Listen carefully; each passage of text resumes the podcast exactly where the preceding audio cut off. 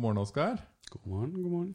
Hei, hei. Velkommen hit i, eh, i gamlebyen. Ja, takk, takk. Mm, vi sitter jo her med kaffe med litt sopp i i dag, og det passer jo bra, fordi vi Mm. skal snakke om uh, psykedelika. Mm. Og du er jo en uh, psykedelisk terapeut. Mm. Det høres jo helt awesome ut. Ja, det er det faktisk. Mm. Det er ikke psykedelisk sopp jeg har i kaffen, da. Nei. Nei, det er det ikke. Bare litt? Ja. Vi får se. 20 minutter. Jeg skal uh, introdusere deg. Mm. Oskar Bull Hansen er en psykedelisk terapeut som arbeider med å hjelpe personer gjennom en psykedelika-assistert terapitime. Han har dykket dypt inn i emnet med over 280 timer studier, 100 timer kurs og 220 timer praktisering. Oskar har i tillegg lest utallige bøker, startet et forum for psykedelisk terapi og arrangert ukentlige samtaler med andre psykedeliske terapeuter i verden. Mm. Wow! Mm. Psykedelisk terapi. Nå sitter mange der ute og tenker bare What is this? Mm. Hvor begynner man? Mm. La oss begynne helt fra scratch og snakke om hva er psykedelika? Mm. Så psykedelika er jo en eh, eh, kategori av eh, stoffer. Man har jo ulike opiater, er en kategori f.eks., som er liksom en del stoffer som har eh, lignende effekt, da, som er kategorisert sammen. Så denne eh, psykedelika er da en kategori eh, hvor man har eh, Hvor det er fire ulike alkaloider som er i den kategorien. Det er eh, LSD, som mange har hørt om. Så har man psilocybin, som er virkestoff i fleinsopp. Eh, og så er det noe som heter DMT, eh, som også er aktive ingrediensen i ayahuasca. Og så har man meskalin, da, som er i voksin og kaktuser og sånne ting. Mm. Um, så kan man si veldig mye om det, men en del av de har da blitt brukt til eh, som medisin da, tradisjonelt i veldig, veldig mange år. Um, og så blitt, ble det ulovlig litt på skal man si, nyere tid. da. Begynte mye forskning på 50-, 50-, 60-, 70-tallet. Og så ble det ulovlig med hippiebevegelsen og sånne ting. Mm. Så det Ja. Og hva disse stoffene gjør, og hvorfor de er i samme kategori, eh, kan jeg snakke litt om også. Gjerne. Eh, det, det er veldig vanskelig å forklare for noen som ikke har prøvd å ta disse stoffene, hva de gjør. Men eh, det, mange bruker ofte bilder, da. Et av bildene som brukes ofte, er at eh, eh, det forsterker eksisterende mentale prosesser. Hva Eh, mener du med det? Eh, det betyr at man går jo med masse prosesser i hodet hele tiden. Mm. Eh, hundrevis det er følelser, eh, det er tanker om ting, man, det er vurderinger. Eh, plutselig at noe f.eks. kjennes viktig ut. Eh, det at høyden på hekken din kjennes viktig ut, f.eks. Det er en prosess. da. Eller at man liker denne personen, eller at man føler ro i sjelen sin, eller at man føler seg deprimert osv. Eh, og når man inntar disse psykedeliske stoffene, så i eh, en tidsbegrenset periode så forsterker det disse eksisterende mentale prosessene. Som gjør at man eh, kan oppleve eh, f.eks. frykt eller kjærlighet eller eh, at noe er viktig, eller at noe ikke er viktig. Man kan oppleve disse tingene veldig veldig mye sterkere enn det man vanligvis gjør i hverdagen. Ehm, og så ligger kanskje noe av liksom denne terapeutiske verdien i det, er at um, dette er prosesser som ofte ligger litt i bakgrunnen, man ikke er helt bevisst på. Men når de forsterkes, så blir det på en måte liksom veldig tydelig. Så kommer man tilbake til det vanlige livet etterpå, og da går man og tenker litt på disse prosessene. Liksom, hm, hvorfor eh, misliker jeg denne personen så sterkt? Hvorfor liker jeg denne personen så mye? Hvorfor er hekken så viktig? Eh, Hvorfor er den jævla hekken ikke så viktig? ja, ikke sant? Og man kan jo liksom, jeg tror folk flest har jo hatt den følelsen hvor man sitter og føler at noe er veldig viktig. om det er hvordan eh, din kone stabler eh, bestikket i oppvaskmaskinen, eller eh, at eh, det skal være den og den fargen på sånne ting, eller Man er liksom kler seg Ting som er riktig, hårklipp, hva som helst, da. mm. Uh, og disse prosessene ligger litt i bakgrunnen, og man tenker at eh, man tar det litt for gitt. da. Man tenker at uh, sånn bør ting være. Uh, og så, når man får en sånn opplevelse som det er, hvor man kanskje også kan oppleve at ting, sånne ting ikke er viktig i det hele tatt, så kan man da kjenne litt på kontrasten da, mellom det å ikke bry seg om hvordan ting stables i en oppvaskmaskin, og det å bry seg veldig, veldig mye. Mm. Og så kan man justere livet sitt hvis man vil etter det. Mm. Det er ganske interessant. Hvordan er det man tar disse forskjellige medisinene? Ja, det er litt ulike, ulike måter. Eh, LSD er, kommer jo ofte på i enten flytende format eller væskeformat. Det er et veldig, veldig, veldig potent stoff. Eh, det betyr ikke at man dør hvis man tar for mye av det, nødvendigvis. Men eh, det betyr at det skal veldig, veldig lite til. Altså vi snakker mikrogram da, til. Og Derfor får man det ofte på lapper. Eh, En liten papirlapp. en liten papirlapp, rett og slett. Mm. For å kunne fordele det jevnt, da. Så man, man kunne ikke hatt Hvis det blir krystaller eller noen andre formater, så blir det veldig upresis, for de fleste har ikke en vekt hvor de kan måle mikrogram, f.eks. Og LSD varer ganske lenge. Ja, det har veldig lang effekt. Eh, så man sier liksom det varer fra seks til tolv timer, da. Eh, den psykoaktive effekten, og så har man selvfølgelig da en, en peak i midten hvor det er mer intenst, og så er det svakere på slutten, da. Men eh, ja, det har en veldig, veldig lang effekt. Eh, hvis man f.eks. sammenligner med psilocybin, Sopp. som er soppen, eh, som varer rundt tre til seks timer, altså halvparten. Eh, Og dette er også sopp du kan finne i Norge. Ja. vi har én type, som har, en type sopp i Norge som inneholder psilocybin, og det er den som kalles for fleinsopp. da. Og den vokser eh, rundt omkring i Norge på høsten. da. Jeg har hørt at norsk fleinsopp er en av de sterkere Det stemmer. Mm. av disse forskjellige typer. For de fins jo overalt i verden. Mm. Fleinsoppen er ganske liten, så den er ganske, og det er ganske høy konsentrasjon da, på, fordelt på vekt. Mm. Ok, så det var LSD og sopp. Jepp. Eh, så soppen får man jo ofte da som tørka sopp. Eh, som man da tygger på eller lager en te av eller et eller annet sånt. Eh, og så har du DMT, eh, som da enten er en del av dette ayahuasca denne ayahuasca-teen som eh, har på en måte tradisjonelt blitt laget i Sør-Amerika. Amazonas. Eh, og da drikkes den inn. Og har ganske lang effekt den også når den drikkes, da. Eh, Og dette er, eh, slik jeg har forstått det, tradisjoner som har vært veldig lenge i regnskogen og Ja. blitt brukt i veldig mange år. Mm. Du blander to tresorter, gjør du det? Ja, For å lage eh, ja, det er vel en slags sånn eh, En type Jeg vet ikke hva det heter på norsk. Vine? Altså en, er det en li lianer eller noe? Nei. Noe sånn, ja. Ja. Um, En sånn klatre... ja, Klatre- klatreplante. Nettopp. Slyngplante, kanskje heter det kanskje. Mm. Ja.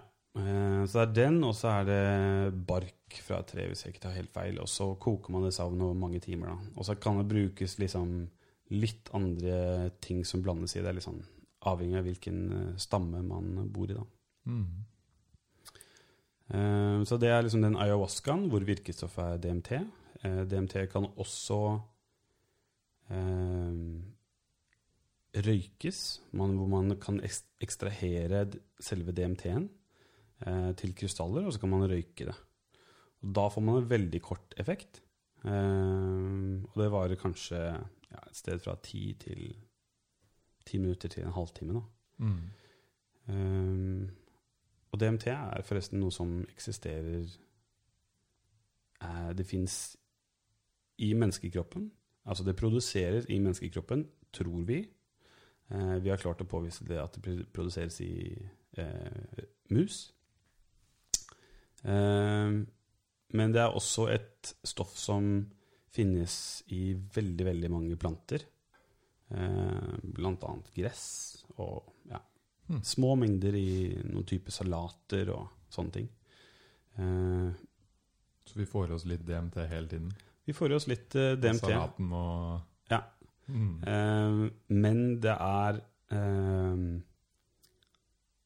Det fins noe i oss som så Jeg må bare tenke rett Som gjør at vi ikke klarer å ta det opp inn i Mm. blodet. Eh, og det er den, denne ayahuasca-brygget inneholder to ingrediens, hovedingredienser. Det ene er selve DMT-en, og det andre er noe som gjør at Som lar oss kroppen midlertidig ta opp DMT. Så det er liksom den komboen der da, som er Ja. Ikke sant? Det er rart at de klarte å finne ut av det. liksom. Ja. Mye kombinasjoner av planter som skal til før det kommer dit. ja, det må jo være helt enormt mange typer planter i en regnskog i Amazonas. Mm. Så de har jo blanda og styra, da. Og så til slutt en dag så lagde de en veldig god te. Mm. Så teen eh, Ayahuascaen er jo vært eh, Den vet vi har en veldig lang tradisjon. Også, også denne fleinsoppen, da. Eh, som det har vært liksom Også i mye i Sør-Amerika, men denne soppen vokser jo over eh, alle kontinenter. Det fins jo ah, Nå husker jeg ikke om det var 250 eller 50 typer sorter. Med, Mm. Men det fins eh, ganske mange, da. Mm. Så det er de tradisjonelle, mens LSD er jo eh, halvsyntetisk. Eh, og det blir da laget i en, et eh, laboratorie, da. Hva betyr det at den er halvsyntetisk? Eh, det betyr at man begynner med noe som er organisk. Eh, Mm. Så det vokser på eh, en sopptype som vokser på, på korn. Mm. eh, som heter ergot. Og så tar man det stoffet som vokser på den, og hvis jeg Jeg husker ikke om det er hva det heter før, men man, i hvert fall så endrer man på det molekylet. Man endrer på det lite grann, sånn at det blir LSD. Wow. Mm. Og det siste var meskalin. Siste er meskalin, eh, og det er eh, vokser i kaktuser. Så da er det to typer eh, ja, kaktus. er en som heter San Pedro, og så er det en som heter eh, peyote. Da, som er de to vanlige. Som er blitt brukt mye av indianerne i eh, Nord-Amerika, f.eks. Mm. Når du tar disse medisinene, Mm. er det noen forskjell på den på en måte syntetiske og det organiske? Og da tenker jeg syntetisk er jo da LSD og Eller egentlig LSD. Mm. Og organisk, da blir det jo sopp og f.eks. ayahuasca. da. Mm.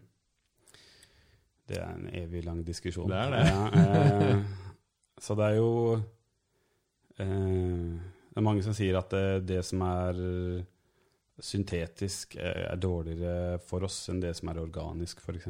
Men så kan man jo også argumentere for at eh, i og med at vi er organiske og lager noe, så er det, er det også organisk. Da. Så det skillet mellom Mhm. organisk og syntetisk.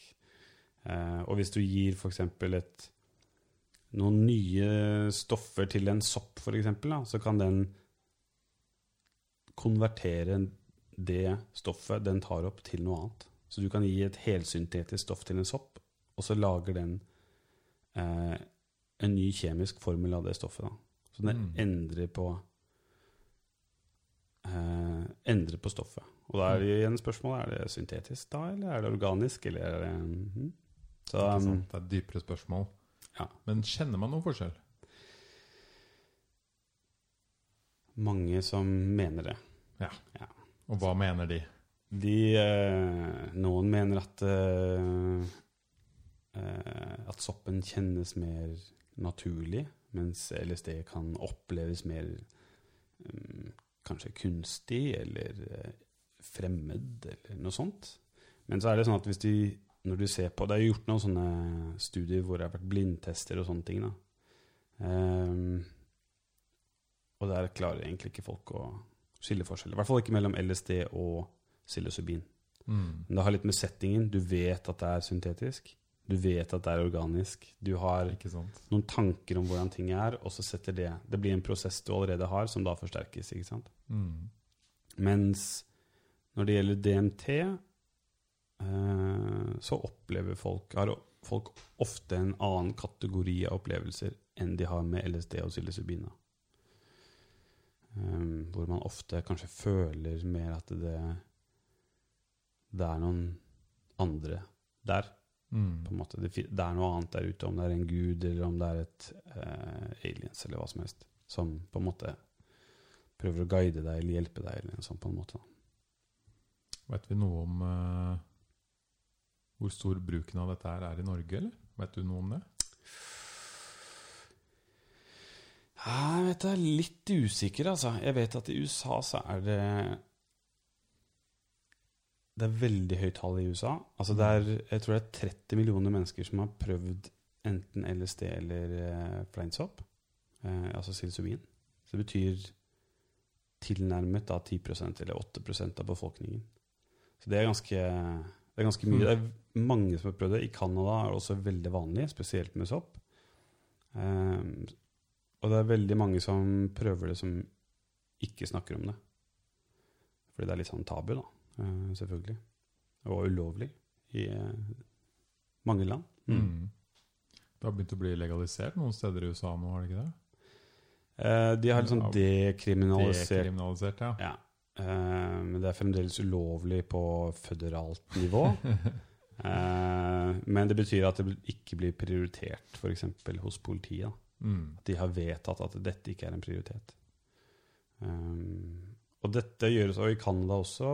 Um, Canada er det steder som selger dette på nettet, f.eks.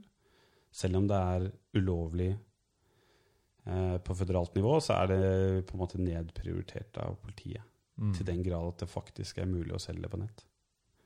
Åpenlyst.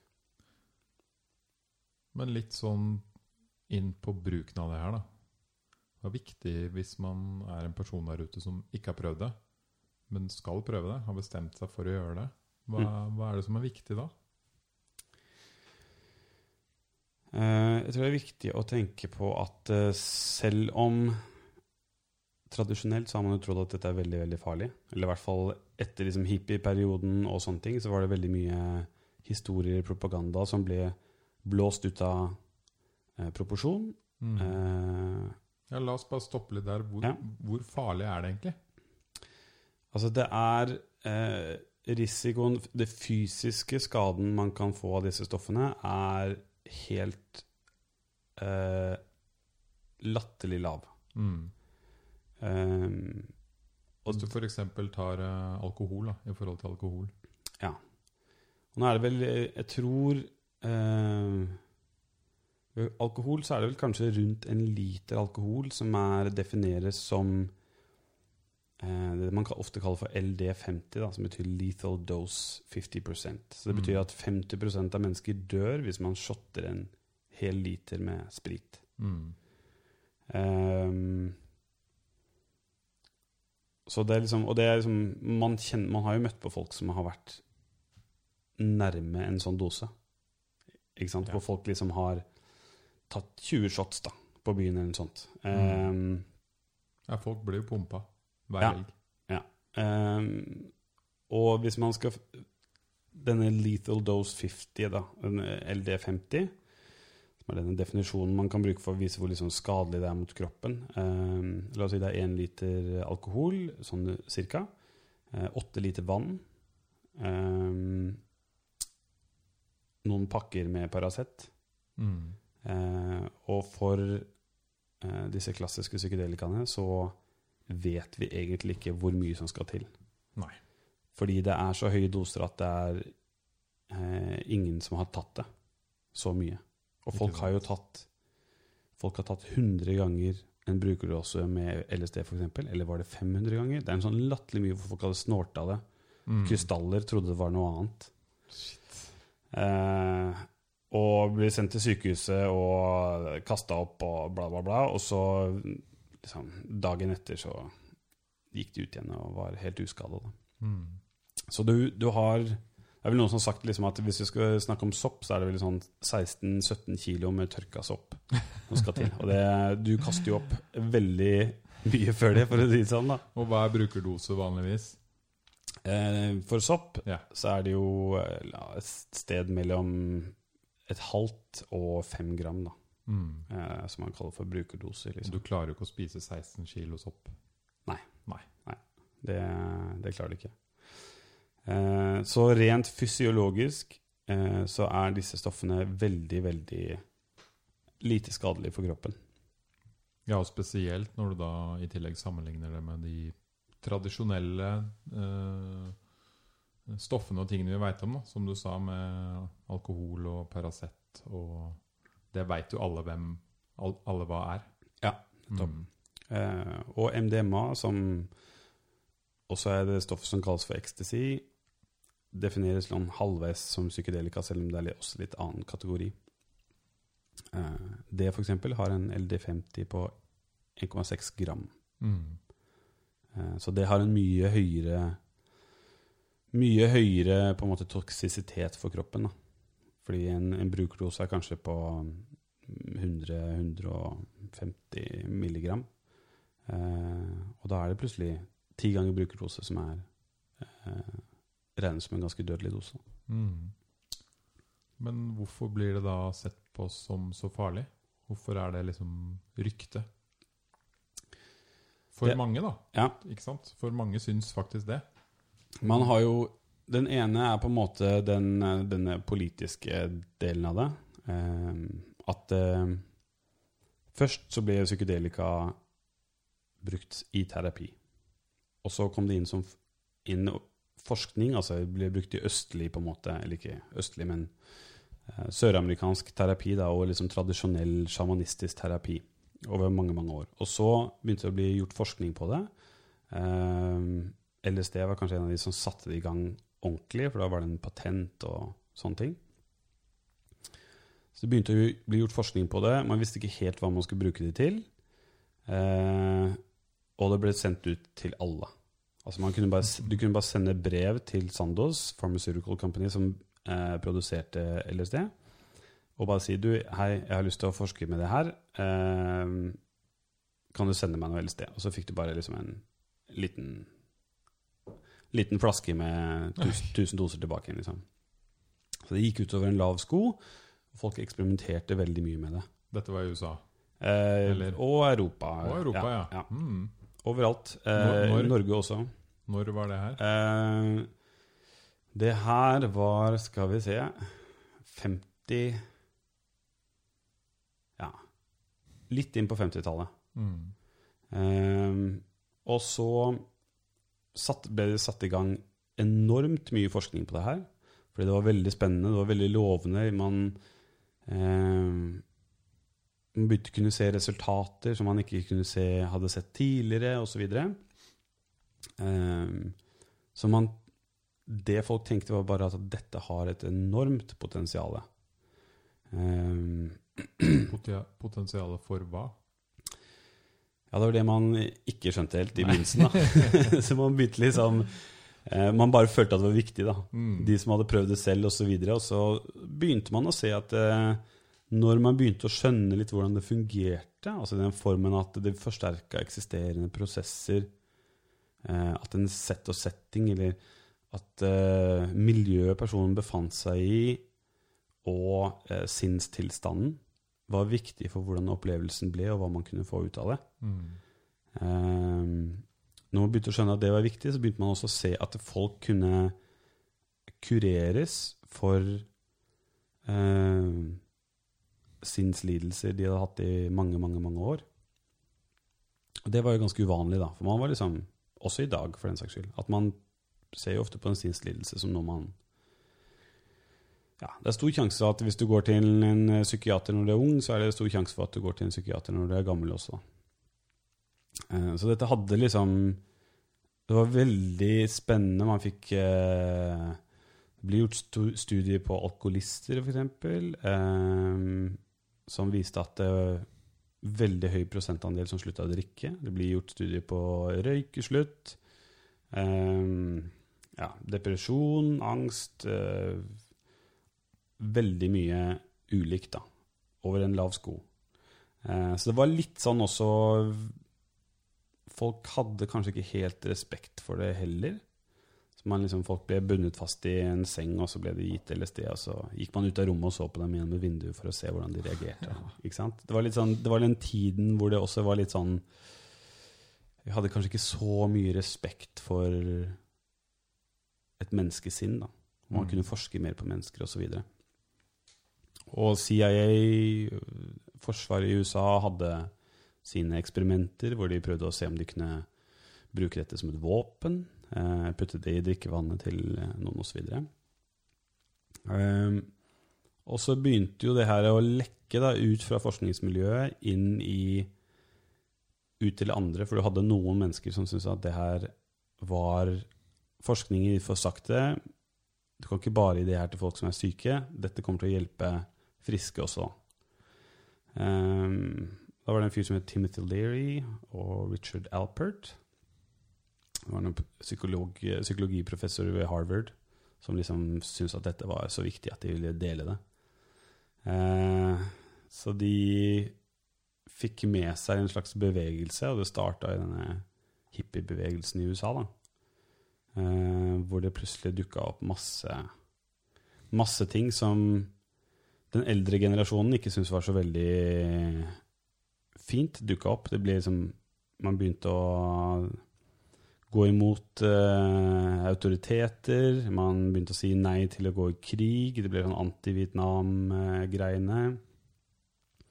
Uh, man fikk begynte å liksom eh, Antirasistisk, kvinnebevegelser Alt det her som var en del av hippiebevegelsen. da. Mm. Eh, også det skjedde fort. Og disse unge menneskene som hadde trippa og sett at livet kunne være annerledes, de ble jo veldig intense, da. Ikke sant? Det ble en veldig, veldig stort skille veldig fort. Eh, som gjorde at eh, de da som satt i lederstolen på den tiden, som var Richard Nixon spesielt, da, eh, fikk jo helt hetta. Eh, og foreldregenerasjonen. Så da ble disse stoffene liksom satt, eh, gjort ulovlige, da. Og da ble det sponsa en del forskning som var sånn spesifikt hadde formål for å være anti Som skulle skremme folk ikke sant, fra å ta disse stoffene. Så det var liksom en hva kan man si, grunnen til at det ble ulovlig in the first place, da. Uh, og så er det jo sånn at uh, det at den skremselspropagandaen var overdrevet, og at uh, risikoen er absolutt ikke så høy som det ble forespeilet, så betyr det ikke allikevel at det ikke finnes noe risiko. Nei. Ikke sant? Og det er ofte en sånn Folk elsker sånn svart-hvitt. Liksom Mm. sånn, «Ah, Kan jeg ta en million doser av det her uten at det skjer noe med meg? Eller dør jeg av én dose? Og så bare ja, det er et sted imellom, da. Eh, og selv om den fysiologiske delen av det er, liksom, det er veldig trygt, så fins det et psykologisk aspekt eh, hvor det er en større risiko.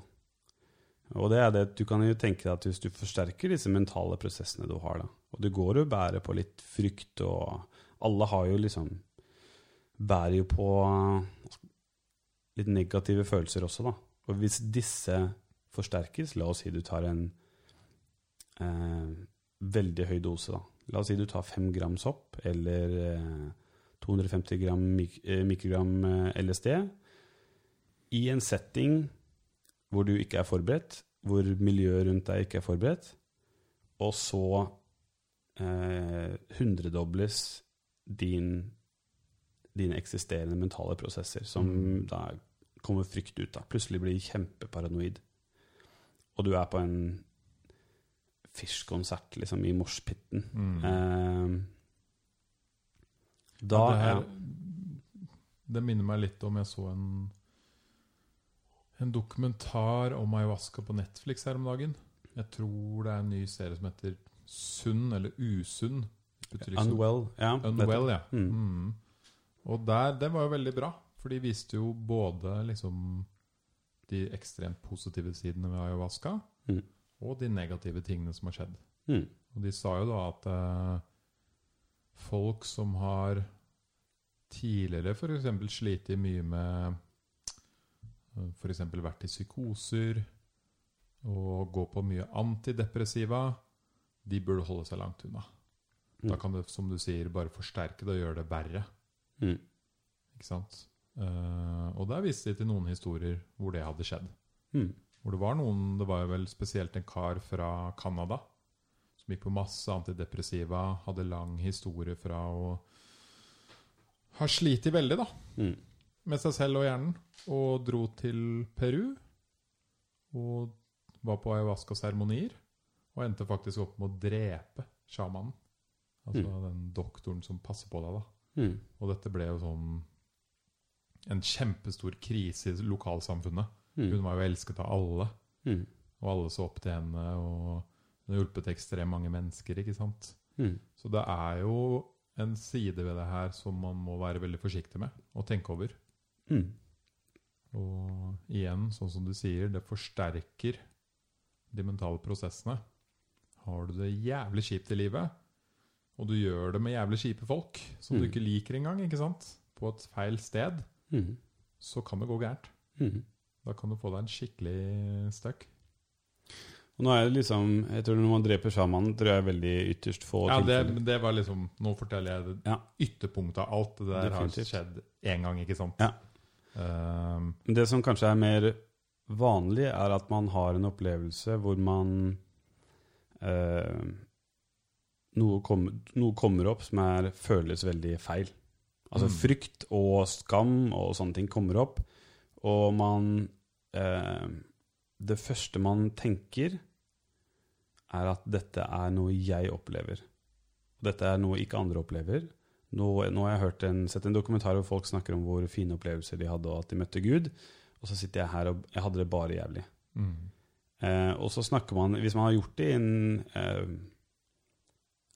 lite optimal setting, så tar man kanskje sett litt lokk på de følelsene. Man tenker at det var en, et mareritt, det var en vanskelig drøm.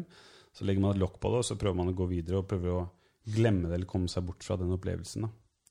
Eh, og det tror jeg liksom er vanlig. Det er ofte det som da man kaller det for en bad trip. da. Mm. Uh, når folk har hatt en ekstremt vanskelig opplevelse, og så i ettertid så uh, tør man ikke å dele det. Man tør ikke å snakke om det. Og da kan det Da kan man liksom få et nytt trauma, da. Ikke sant? Ja, rett og slett. Og det vil, er det ingen som vil ha, selvfølgelig. Nei. Og de jeg har eh, De jeg kjenner som har fått en bad trip, da er det jo utelukkende De har jo tatt det når de egentlig ikke har hatt lyst, f.eks. Mm. Litt sånn gruppepress. Uh, vært yngre. Mm. Uh, Kanskje i kombinasjon med alkohol. absolutt. Eller tatt det på en, et vorspiel med mange andre mennesker Mm. som du ikke kjenner engang. Yep. Eh, og fått av den en veldig sånn ubehagelig opplevelse. Mm. Og så er det jo ikke sånn at de på en måte De, de kommer jo de greit ut av det, men de Mm. husker det veldig godt. Mm. Ikke sant?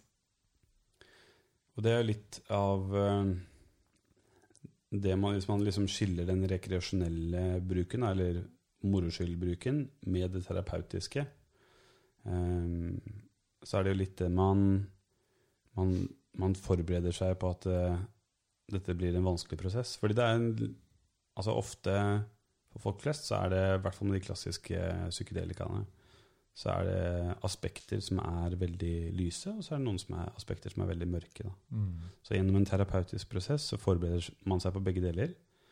Eh, og så har man selve opplevelsen, og så snakker man det etterpå. Det, når man snakker om det, så eh, prøver man å finne ut av eh, hva dette, hvorfor disse prosessene dukket opp for deg. Da. Hva det kan bety for deg, hvordan du kan bruke det til å få til positive endringer i livet. Da. Mm. Ja, for nå var vi jo litt innpå på en måte den aller verste skrekkhistorien som finnes der ute. ikke sant? Mm. Det endte opp med drap. Mm. Men eh, jeg satt jo og leste litt i går, fordi jeg har lyst til å gå litt mer inn på forskningen. da. Mm. Uh, og jeg leste i går noe som jeg bare Wow, det her er jo helt, helt sinnssykt. Mm. Jeg skal sette inn litt inn i kontekst her. Eh, mer enn 350 millioner mennesker er estimert at har PTSD. Og man eh, forbinder det ofte med krig, ikke sant? Det er noe Mm. du får av krig. Men det er ikke bare det. Det er traumer som du kan ha fått av eh, seksuell mishandling, fysisk mishandling, noe, veldig, noe annet kjipt som skjedde når du var f.eks. barn Mm. osv. Så, videre. så rundt 350 millioner mennesker. Og så er det en organisasjon i USA som heter MAPS, som forsker på det her. Hvordan Mm. man kan hjelpe disse menneskene ved bruk av f.eks. MDMA eller psilocybin. Mm. Eh, I denne forskningen så brukte de jo eh, da MDMA. Og de utførte da MDMA-terapi på 107 deltakere som hadde hatt PTSD i gjennomsnittlig 17 år. Mm. Det er lenge. Og det er det behandlingsresistent PTSD som man kaller det. Mm. Eh, så det betyr at de ikke funker med andre typer De har prøvd alt. Ja, de har altså, prøvd prøvd alle piller, alle psykologer, alle terapeuter.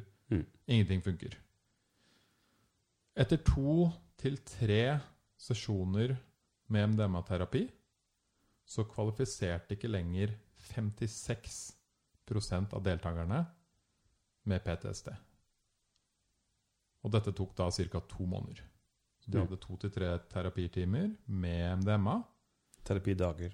Dager, ja. Mm. med MDMA, og så var 56 kvitte. Mm. Dette er folk som har slitt med det alt fra 10 år til 40 år, ikke sant? eller 30 år. Mm. Men det som er enda kulere, er at etter 12 måneder oppfølging, så hadde den prosenten økt til 68 Mm. Og det er ganske lignende tall eh, når de bruker psilocybin. Mm. Og det Altså, da jeg leste her, tenkte jeg bare dette er jo helt sinnssykt. Mm. Det er jo helt fantastisk. Jeg kjenner folk som har hatt noen kjipe, dype traumer selv i livet, og ingenting har funka for dem. Mm. Ikke sant? Kan dette her være liksom en ny, en ny redning? Mm. Hva Ikke sant? Du har slitt med noe i gjennomsnittlig 17 år, og på to måneder kan du bli kurert. Mm. Det, er veldig, det er veldig kult. Og det der er jo eh, fase to Mm. eh, for disse kliniske forsøkene som foregår i USA. Hva Eh, mener du med fase to? Man har tre faser når man skal produsere medisiner. Eh, Å få det godkjent som medisin, eh, så må man gjennom eh, tre faser. Eh, så du har eller en nullte fase hvor man tester på dyr for å se om, eh, om det er skadelig. Og da taster man høye doser osv. over tid osv. Eh, og så har man fase én hvor man tester på mennesker. Det er for å teste om det er skadelig på mennesker om det skjer noen liksom adverse effects, om det er, eh, om det er på en måte eh, klokt å fortsette da, til fase to. Mm. Fase to så ser man om det har en, eh, en effekt. Altså man tester for å se om det er eh, Om det faktisk kan hjelpe på PTSD, da, eksempel, Sånn som det er gjort med MDMA-studien her. Så kommer man inn, inn i fase to. Det er sånn typisk mellomstort, der hvor det sånn 107 deltakere, eller hva det var sånn der. Eh, og når man da har på en måte sett disse resultatene som kommer her, de kom ut i 2017, tror jeg. Det tar jo litt tid, det her, da. Spesielt når man, ikke, når man ikke har Patenta er løpt ut på MDMA for lenge siden. Mm. Eh, så hvis du ikke er et farmasøytselskap som har eh, 20 milliarder på bok, da, så er, tar det litt tid. Eh, så det her er fase to. Eh, når fase to var ferdig, så sier da eh, Legemiddelverket i USA, som heter FDA, de sier at de resultatene her eh, de er så lovende at vi skal gi dere noe som kalles for gjennombruddsterapistatus. Eller breakthrough therapy status. Og det betyr da i essens at FDA, Legemiddelverket, sier at dette er så lovende at eh, vi vil samarbeide med dere, sånn at vi, dere ikke går ut på technicalities. da. Mm. Så det vi forhåndsgodkjenner protokollen i hvert trinn. Ehm, for det betyr at da FDA i USA har lyst til at MDMA skal bli medisin. Så da begynner man i fase tre. Ehm, og så sier, man, sier da FDA at hvis resultatene er lignende det som man har sett i fase to, eh, så kommer dette til å bli godkjent medisin. Wow. Og hva vil det si for f.eks. Europa? Det vil si at eh, vi kommer antakeligvis til å følge ganske kort tid etter. Mm. Eh, de har Det er pusha litt på, litt sånn koronatider og sånne ting. Ja, ja. Så det tar litt lengre tid enn man originalt forventa. Eh, fase tre er beregnet å være ferdig i 2022. Eh, og da De som jobber med det her, hvis det da er sånn som vi tror det kommer til å gå, så kommer det til å være godkjent medisin i USA eh, Jeg tror Canada også, og Israel, eh, i 2023. Hm. Eh, og Europa vil følge kort tid etter. Vi har jo Det er nettopp starta et eh, Vi har fått godkjenning for et MDMA-studie her i Norge. Eh, ved Sykehuset i Østfold. Som begynner, det begynner smått da, Ja. her i Norge med bare to deltakere, og så blir det flere etter hvert. Eh, For jeg tenker hvis man er lege eller eh, psykolog eller har jobba med sånne pasienter hele livet, og så leser man disse studiene, så må Mm. man jo tenke what the fuck, det her må vi teste. mm, Det må vi liksom Det kommer folk til meg ukentlig som har gitt opp. mm. Som Definitivt. liksom sier ja, Har dere noe annet enn de pillene her? Mm. Ja, det faktisk så er det en studie borte i USA der som viser at det har vi. Mm. Ikke sant? Mm. Og der har man jo Når det gjelder MDMA, så har man en høyere Og det er bare sånn Det er det som kalles ecstasy på folkemunne. Så det er et partydop i tillegg. Folk tar det, går på klubb eh, og hører på eh, tekno og elektronika og står og danser og klemmer på vennene sine. Mm. Eh, men det har en høyere sånn fysiologisk risikoprofil, da, sånn som jeg nevnte. Ja. Eh, Men er det et psykedelika? Eh, hmm, ja, det er litt sånn Alle de kategoriene her er jo litt sånn vanskelig å Ja. sette i bås. Men du kan, hvis du sier at du prøver LSD, og så prøver du psilocybin, og så prøver du DMT og meskalin, så vil man på en måte enkelt kunne sette de i samme kategori, da. Mm. Ehm, hvor det endrer på en måte virkelighetsoppfatningen din i ganske stor grad. Midlertidig. Og så har du MDMA, som endrer det emosjonelle aspektet. Så det reduserer aktivitet i fryktsenteret i hjernen. Da. Eller det er vel mye av følelsene spiller inn, som kalles for amygdeland. Det reduserer eh, aktivitet der. Eh, samtidig som det ikke gjør noe særlig med resten av, eh, resten av hjernen. Da. Så det beholder på en måte resten av funksjonen intakt. Eh, så man kan jo på en måte si at det emosjonelle aspektet kan jo ligne på psykedelika, men samtidig så har man mer eh, Man føler at ting er mer normalt, da. Mm. Man har mer kontroll. Eh, du opplever ikke at du eh, er i en annen verden, på en måte. Ehm, Du er til stede. du er til stede. Du kan Du kan snakke, du kan gå Snakke på do, du kan Nettopp. Mm. Ehm, Ja. Så det er liksom Det kalles for et empatogen. Det er liksom et av kallenavnene. Det er en egen kategori, det er MDMA, liksom. Mm. Uh, for det er liksom noe helt annet.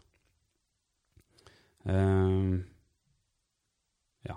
Og så, så det det kommer med all sannsynlighet til å bli eh, medisin. Jeg tenker i Norge at det kommer kanskje et år senere enn i, Mm. enn i eh, USA. Ehm, det er min gjetning. Og så kan det ta mer tid før det kommer inn i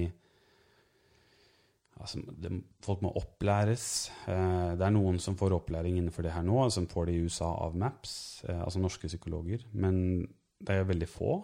Eh, man må opprette eh, på en måte sentre eller steder hvor dette støttes. Og så må Helfo, altså for å få refusjon, sånn at det dekkes av staten. Det er en, byråkratisk prosess som sikkert tar litt tid. Ja. Eh, fordi denne typen terapi koster jo mye eh, over kort tid. For det er intense eh, I disse kliniske forsøkene så har man to terapeuter i stedet. Eh, du sitter med dem i åtte timer på den dagen du inntar MDMA. Du har forberedelsestimer, også med to terapeuter. Du har integrasjonstimer etterpå. Eh, så det er jo så snakk om at det kanskje koster 100 000 da, for et sånt behandlingsopplegg. Mm. Eh, men så er det jo verdt Det Det er jo heller ikke så mye, hvis man liksom Nei. tenker hvor man, mye man kan ha brukt på psykolog eller terapeut eller Nettopp. Over tid. over Ja. tid, ikke sant? Og at man er ufør, Og ikke minst den plagen. Ja. Mm. Så økonomisk så tror jeg det lønner seg altså veldig mye. Hvis du tenker deg at en person som har PTSD, og som ikke kan jobbe, ehm, og som da går og er eh, ufør og arbeidsledig eh, i mange år, da, ikke sant? 17 år tenkte jeg de folka her, da. ja. Ehm, så det at de på to til tre måneder, at halvparten av de ikke lenger har PTSD og kan begynne å være produktive, da. Ehm, ja, produktive og lykkelige deler av samfunnet. Det har jo mye å si. Ja, det å ha en uføre er nok uh, mye dyrere Mm.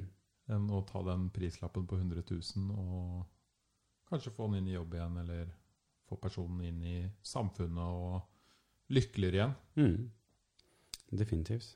Mm. Så det er uh, så det er veldig spennende. Da. Og det er jo gjort en del forskning også på psilocybin, sånn som du nevnte, altså på denne soppen. Ehm, hvor det er eh, på en måte retta inn mot eh, depresjon, eh, angst.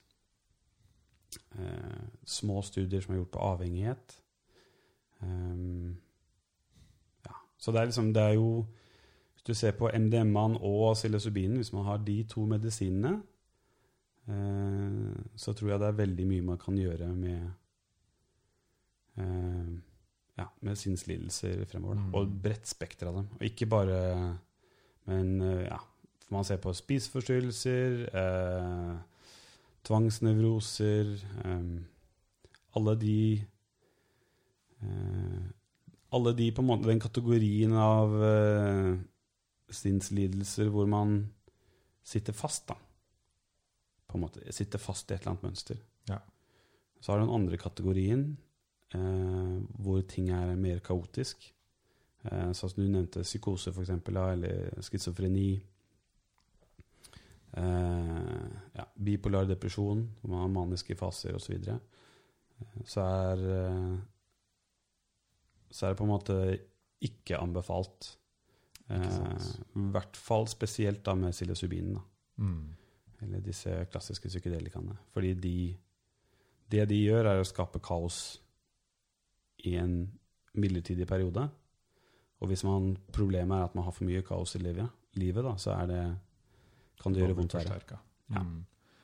Det er så rart å tenke på at uh, medisinen mange trenger, vokser i hagen din. Mm. Utafor hytta di. På jordet til naboen. Mm. Og du kan gå ut i norsk natur og plukke kantarell Mm. og være glad. Mm. Og det er greit. Mm. Og så bare snur du deg litt og plukker den andre lille soppen. Og det er ikke helt greit. Nettopp. Det er helt rart å tenke på. Ja, Mm. det er det. Eh, og det er eh, Så det er på en måte det juridiske aspektet av det her. Da. Det er jo Alle disse stoffene som er nevnt nå, er ulovlige i Norge. Eh, og det sies jo at man har jo Det er ulovlig til ulovlig uansett, eh, men til det som kalles for personlig forbruk, legenbruk, så er det lave straffer da, i form av Man får ofte en bot Mm. hvis man blir tatt. Og da fins det På Lovdata så står det hvilke rammer som gjelder. Um, Så hvis man sjekker lovdata.no, så kan man lese mer om, om det, da. ja, nettopp. Mm. Uh, og så kan, er det sånn at det, man kan straffes mer hvis man har tidligere dommer som er relatert, eller et eller annet som tilsier at dette er en gjentagende eh, problemstilling. Da. Eh, så kan man straffes mer. Men eh, ja, som regel så er det forenklet forelegg. Jeg lurer Altså- på om vikingene brukte den eh, fleinsoppen, jeg. Det Ja, det vil jeg tro. Altså, jeg vil liksom Jeg tror ikke de brukte det for å gå i krig, for å si det sånn. Nei. Nei. Det Det, det, er, det er i så fall en veldig feil De som tror det, de har ikke prøvd det. Nei. Jeg tror uh, uh, jeg, jeg tror ikke det er uh, Jeg ville ikke gjort det, i hvert fall. Nei. Da kan man plutselig sitte halve hæren og lukte på blomster istedenfor, eller Så um, Men det er jo sånn at mennesker har jo, og en del dyr, har en sånn Man har lyst til å ruse seg. Mm. Um, så det er på en måte en sånn nysgjerrighet, eller det er et eller annet med oss som gjør at det der er veldig attraktivt. da. Man ser det jo på hvor utbredt alkohol er, for eksempel, da. Som er Mm. som, eller snus, eller uh, sigaretter, eller Det er jo noe med dette du snakka om i stad, at man uh, lever i livet sitt, i hverdagen, i en slags eh, pågående loop eller sirkel, mm. hvor man nesten til slutt glemmer litt hva man holder på med, og så har det gått noen år, og så har du liksom Du glemmer litt de prosessene du er i, de vanene du er i, da. Mm. Man har veldig mye vaner. Mm. Veldig mye er underbevisst. Ikke sant? Bare ting du gjør hver morgen når du står opp. Ting du har irritert deg over, som du sa, over lang tid. Mm. Ting du har eh, tenkt mye på, men som du kanskje ikke trenger å tenke så mye på. Mm. Og da er det jo veldig deilig for folk, det ser man jo, å f.eks. drikke seg litt full i helgen. da. Mm. Og enten for å glemme, eller for å skru av noen av disse tingene i hjernen, eller for å skru på noen andre ting mye mer. Mm. Eh, og mye av det samme skjer jo også når man tar disse, som jeg liker å kalle det, medisinene. Mm. Ja, og det er jo Du kan tenke deg liksom at uh, Sånn som det Altså grunnen til at jeg jobber med det her, da, Ja, eh, og har begynt å jobbe med det ja, og det, Jeg jobba med HR tidligere, et IT-selskap. Mm. Jeg var HR-sjef, og så gikk jeg eh, Begynte jeg å omskulere meg for et par år siden. Da. Hvor jeg fant ut at liksom, vet du, det her er litt for spennende til å ikke jobbe med. Da. Ehm, og det Det begynte jo med noen personlige opplevelser. Um, hvor første gang jeg prøvde MDMA, var i 2013. Og da hadde jeg egentlig hatt et uh, Jeg hadde vokst opp veldig anti-narkotika generelt, da. Um, så prøvde, hadde jeg ikke prøvd marihuana, ikke liksom noen andre typer, bare alkohol. Mm. Og sigaretter, da. Alkohol og sigg. Skikkelig godt norsk. Ja. Eh, og jeg hadde jo alltid tenkt at eh, alt dette var livsfarlig. Eh, for det er på en måte det jeg, bildet jeg hadde fått av media eller skole, folk som kommer og forteller osv. Og så um, bodde jeg et år i California. Og så så jeg plutselig at alle røyker marihuana der borte. Altså politi, Mm. eh, dommere, altså foreldre eh, Og folk hadde Det er som at foreldra våre skulle tatt oss et glass vin her. Ja, rett og slett. Eller en kald øl etter en lang arbeidsuke. Ja. Mm. Eh, og da det, fikk jeg et helt annet inntrykk. Da, for der hvor jeg vokste opp, så var det de som røyka hasj. De hadde også litt eh, På en måte du kunne se at de hadde andre utfordringer i livet også. Da. Og jeg tenkte at ja, det er fordi de røyker hasj at de har disse utfordringene, ikke motsatt. Eh, og så dro jeg til California, og så så jeg plutselig at folk som ikke hadde andre utfordringer, også røyka cannabis. da. Eh, Så det åpna på en måte første døren. Men så sa jeg men alle andre ting, det skal ikke jeg prøve. Mm. Eh, og så i 2013 så var det en av mine beste venner som sa at Oskar, jeg anbefaler deg å prøve MDMA. Eh, og jeg sa nei takk. Og så sa han ok, men kan du bare love meg at du gjør fem minutter med research på det? Så sa jeg ok, det kan jeg love deg. Så satte jeg meg ned, begynte på Wikipedia-siden, og så var jeg hm, ok. Aha, så det er ikke, ikke så dødelig som jeg trodde. Og så begynte jeg å klikke videre, og så videre og videre. Og videre, og til slutt så sa jeg som at vet du, risikoen er faktisk ganske lav hvis du tester og eh, ta riktig dose, pass på å ikke blande med andre stoffer osv. Og, så eh, og så prøvde jeg, da. Og så opplevde jeg at eh, jeg hadde en veldig, veldig fin opplevelse den dagen. Eh, kjente enorm empati for andre mennesker. Kjente sånn Det eneste jeg hadde lyst til Altså, jeg var ikke redd for noen ting, og det eneste jeg hadde lyst til, var å eh, bidra til andre mennesker. Mm. Eh, om det var å gi dem en massasje eller hente et glass vann eller et eller annet. Det var det eneste jeg hadde lyst til, og det ga meg så ekstremt mye. Det å kunne hente et glass vann til noen. Og så hadde jeg jo kanskje tenkt at ok, dette kommer til å være en opplevelse som eh, jeg kommer til å jage hele tiden. Da. For jeg vil jage og ha denne deilige empatifølelsen osv. Eh, men så kjente jeg liksom et par dager etterpå Mandag kom, jeg skulle gå til jobb, og jeg tenkte veldig på den opplevelsen jeg hadde hatt da, i helgen. Og så gikk jeg til jobb, og så begynte jeg å kjenne på liksom Ok, hva hvis jeg prøver kanskje å gi et glass vann til folk, da? Altså i metaforisk forstand. Men Mm. jeg, begynner, jeg prøver å bidra for andre. Kanskje, kanskje jeg kan få den følelsen i hverdagen også. Og det begynte jeg å kjenne. da, Så jeg begynte liksom å tenke over liksom, hvorfor går jeg og ser sur ut på vei til jobb, f.eks. Hvorfor smiler jeg ikke til fremmede? Eh, hvorfor prøver jeg ikke å bidra litt mer? Eh, være høflig når folk telefonselgere ringer, f.eks.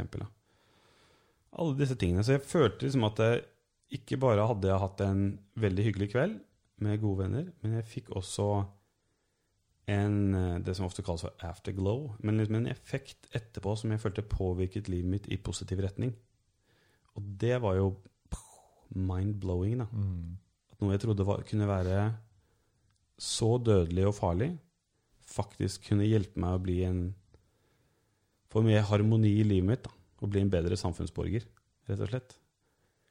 Um, så det åpna på en måte litt døra. Og når man leser om, leste mye, gjorde masse research på MDMA, og så er det alltid noen som nevner ja, ja, ja, men psilocybin da, eller LSD eller et eller annet sånt. Mm.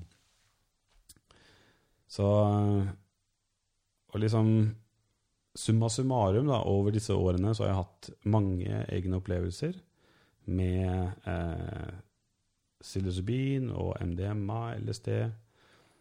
Eh, og disse opplevelsene har gitt meg så mye over tid, da, at det liksom jeg har eh, Det jeg kaller for liksom autopiloten, eh, som kanskje styrte alt i livet mitt tidligere, den kan jeg liksom gjøre endringer på. da. Jeg føler at jeg Jeg brukte til å slutte å røyke sigaretter etter 18 år. Hva da? Eh, LSD, da, i Mm. det tilfellet. Nå hadde jeg satt opp en terapeutisk prosess da, med forberedelse og en tripsitter og integrasjon etterpå.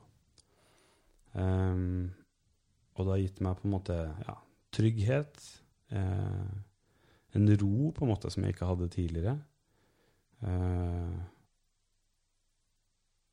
det, har gitt, det har gitt meg veldig, veldig mye. Mm. Og når jeg så at liksom, oi, resultatet fra forskningen eh, er så lovende, og så har jeg hatt egne opplevelser som tilsier det samme, eh, så tenkte jeg at eh, ja, dette er noe jeg har lyst til å gjøre mer av. Så begynte jeg med venner, og så begynte hadde de fine opplevelser, og så begynte de å spre det videre til sine venner. Eh, også liksom, og familie, og så har det liksom bare spredd seg. Og så begynte det å bli sånn at jeg, jeg hadde bare lyst til å gjøre det her. da. Jeg syntes dette var mest givende. Men jeg hadde en annen fulltidsjobb, og helgene ble jo pakka inn med andre ting. Jeg har et familieliv og sånne ting. Så det blir sånn Jeg følte hele tiden at jeg måtte låne tid til å gjøre det her, da. Og at jeg ikke fikk gjort det nok. Um, og da begynte jeg liksom å se på det for ja, snart to år siden. Da begynte jeg å se på det liksom, Er det mulig å faktisk jobbe med det her? Um, og så begynte jeg fulltid nå i august, da. Wow. Mm. Jeg liker jo den reisen du har vært gjennom. Mm. Ikke sant? Du har Ja. prøvd det selv, du har erfart det, du har vokst av det. Du sier jo at du har blitt et bedre menneske av det. Og så har du i tillegg lest veldig mye om det. Vært med på kurs og sett og hørt hvordan det kan hjelpe mennesker. Mm. Eh,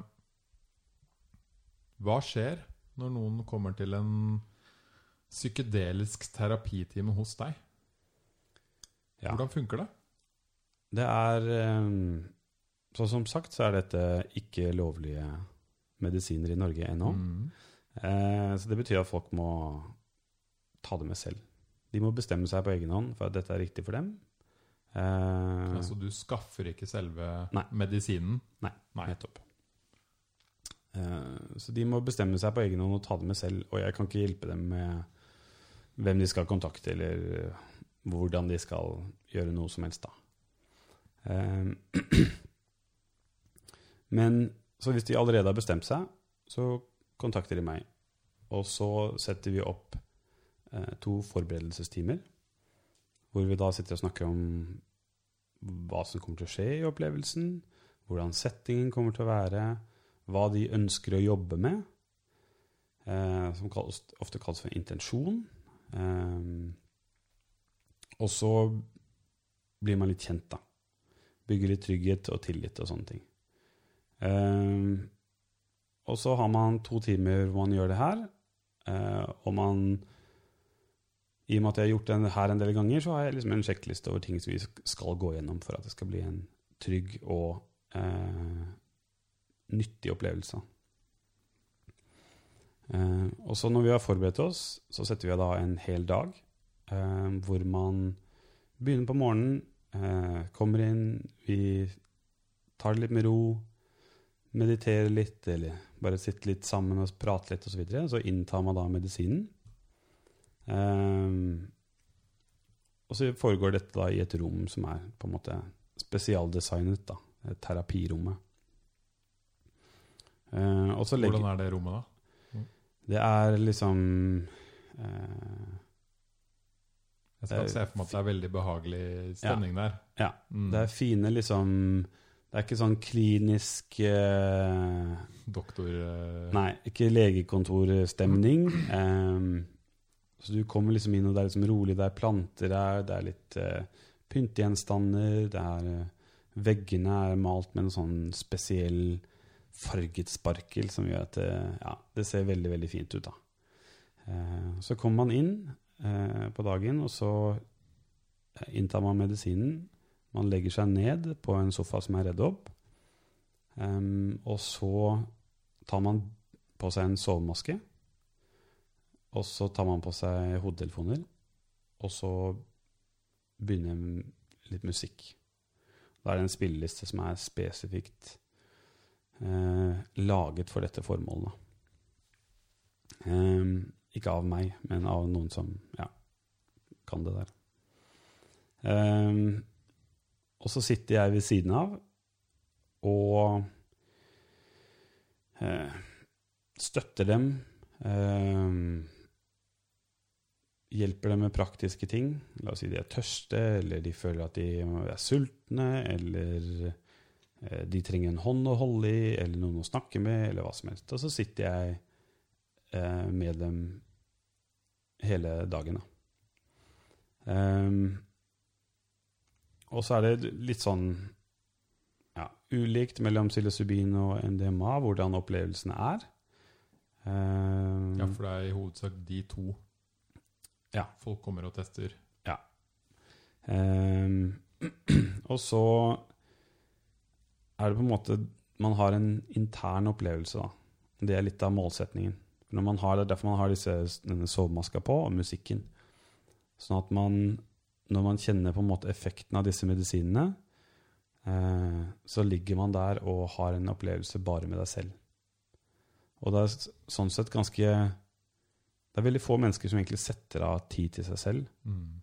Eh, og i hvert fall setter av tid til seg selv og ber noen andre om å være der og støtte dem, f.eks. Um, Man er jo egentlig på en måte terapeuten selv. mm, Selvfølgelig med deg, da, som Ja. støtter og veit hvordan det skal gjøres. Men selve terapien er jo noe man selv gjør i sitt eget hode. Ja.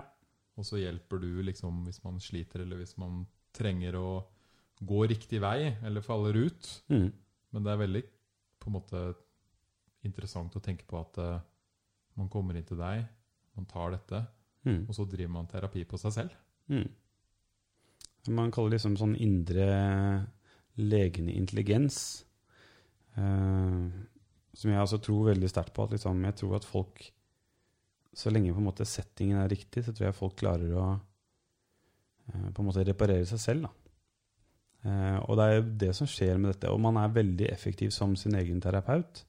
Så er man veldig effektiv fordi du, du har ikke disse motstanden man noen ganger har til andre mennesker, da, som prøver å hjelpe deg eller prøver å fikse deg eller et eller annet sånt. Mm. Eh, så det er bare på en måte egne tanker som kommer opp, som er helt dine egne.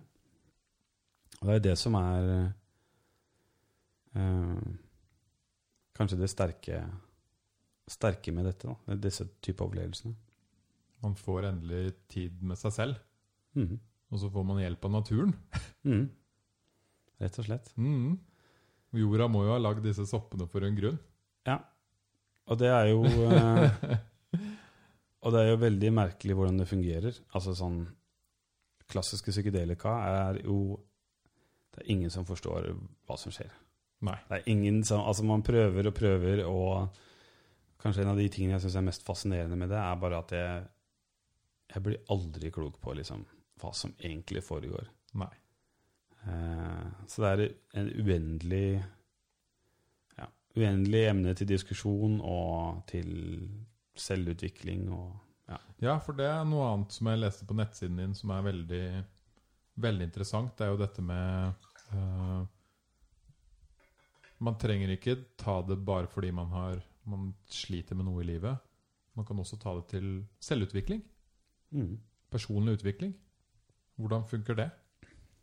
Eller hva, Mm. hvordan kan det funke?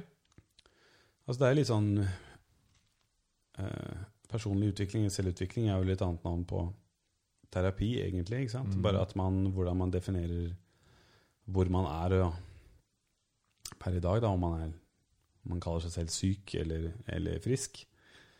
Um, men det gjør jo man Folk flest føler jo ofte at det sitter litt fast uh, i perioder. Da, ikke sant? At man sitter fast i et forhold, man sitter fast i en jobb, man sitter fast med sin egen kjedsomhet, eller man Eller har noen store, vanskelige spørsmål Ja, i livet? Hva er meningen med livet, f.eks.? Mm. Ja, Hvorfor er jeg sammen med den personen der? Ja, Hvorfor jobber jeg der? Hvorfor bor jeg her? ja. Kanskje man har havna i en loop hvor man leser nyhetene 25 ganger per dag. Da, så er det på en måte det inntrykket man har av hvordan verden er, er, at, er det man får gjennom nyhetene, som er at alt er kjørt. Mm. Så går man rundt med den tanken, da. Eh, og tusler rundt i livet. Og, og da er det liksom eh, Ja. Denne typen Det er noen som Jeg liker et sånt bilde da, som blir kalt at eh, psykedelika fungerer litt som et blir kalt for dope slap. Eh, men det er liksom litt som om eh, Det er noe som vekker deg litt, da, i den form at du eh, i hverdagen så opplever man det man ser som det det er. Og ser, det er vanskelig å se noen andre muligheter. Eh, og man kan bli veldig opphengt i akkurat det man ser og opplever. Eh, men når man har en opplevelse som er bare Selv om det er noen timer, man opplever at ting er motsatt, og så går man tilbake igjen til det vanlige livet, så er det sånn at ja, det er kanskje ikke det jeg ser Jeg vet ikke om den andre hadde rett, den andre verden, den psykedeliske verden hadde rett, eller den jeg sitter i nå. Det eneste jeg vet, er at det jeg ser, er ikke nødvendigvis så sant som jeg opplever det, da. Mm. Eh, Hvis det henger på greip. Ja. Det gjør det. Det er mange som sier etter de har hatt en sånn opplevelse at det på en måte har eh, Det har vært som en rens for hjernen. Mm. Ikke sant? Du husker når man dro ut de gamle spillene og blåste i de for å få det til å funke igjen? Ja. Litt samme greia. Du har Mm. liksom blåst litt i hjernen og fått bort alt drittet. Mm. Det som ligger der og er støv, Mm. som bare er tull.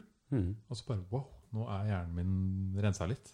Mm. Fått bort alt tull. Nå kan jeg slutte å bruke tid på de tingene der. Mm. Eh, og irritere meg over den fartsdumpa hver dag, eller irritere meg over de små ugresset ute i hagen som jeg har tenkt på i fire måneder. Mm. Det er bare tull. Mm. Det fins andre viktigere ting jeg kan bruke den fine hjernen min på Mm. i livet. Og det er nettopp sånn jeg eh, opplever det litt eh, selv også, da. At over tid så samler det seg en del møkk på frontruta som man ikke kanskje ser helt. Mm. Og så har jeg en terapeutisk opplevelse. Jeg har en sånn en, en gang per år. Eh, hvor det da liksom er, er høydose med en trippsitter, forberedelse og så integrasjon etterpå. Eh, og da får jeg på en måte en litt sånn eh, En oppvekker, da. Hvor jeg på en måte legger merke til «Hei, nå sitter jeg og bruker mye tid på shopping igjen på nett. liksom. Hva hvorfor holder jeg på med det her? Det er liksom plutselig, Hver gang jeg får ekstra penger, så blir jeg sittende inn og tenke ut ting som er liksom Hva er det jeg kan kjøpe? Hva er, det? er det noe mer jeg kan putte inn i denne leiligheten her? Mm. Og så og bruke masse tid på det og sånne ting. Og så, og så skjer det et eller annet over tid. og Jeg vet ikke helt hva som skjer, men kanskje jeg slutter med det i en periode. Og så plutselig så kommer jeg på at nei, ja, men Finn, det er noe annet, liksom, for der er det brukt, eller et eller annet sånt. Og så jeg dykker jeg inn i Finn-greiene, og så går det et halvår, så sitter jeg plutselig inne i den loopen der, da. Mm. Um, Jeg tror veldig mye som veldig mange har veldig mye møkk på frontruta si. Og det kan føre til Jeg kan se for meg veldig mye stress i livet. Veldig mye utmattelse. mm, Eh, fordi man veit ikke helt hvorfor man er stressa engang. mm, Det er fordi man har så mange sånn eh, pågående tankesett da, og ting man må, tror man må gjøre hele tiden. mm, Ting som man tror er viktig. Mm. Ting som, ikke sant, som du sier, jeg må få shoppa de skoene, og jeg må, jeg må møte de folka, og jeg må det og det og det, og vaske ditt og datt, og gjøre det sånn og sånn og sånn. mm, Og så får du deg en, en psykedelisk opplevelse, og så bare wow, shit. mm, Nå har jeg blitt rensa. mm. Men jeg har lyst til å høre litt mer om eh, noen av de terapeutiske timene du har hatt, eller dagene. eh, Mm. Hvordan det har hjulpet folk. Kan du si noe om det? Har du noen Ja. eksempler? Ja, Mm. det fins et spekter av eksempler. Gi meg noen Um, helt sånn forskjellige Ja.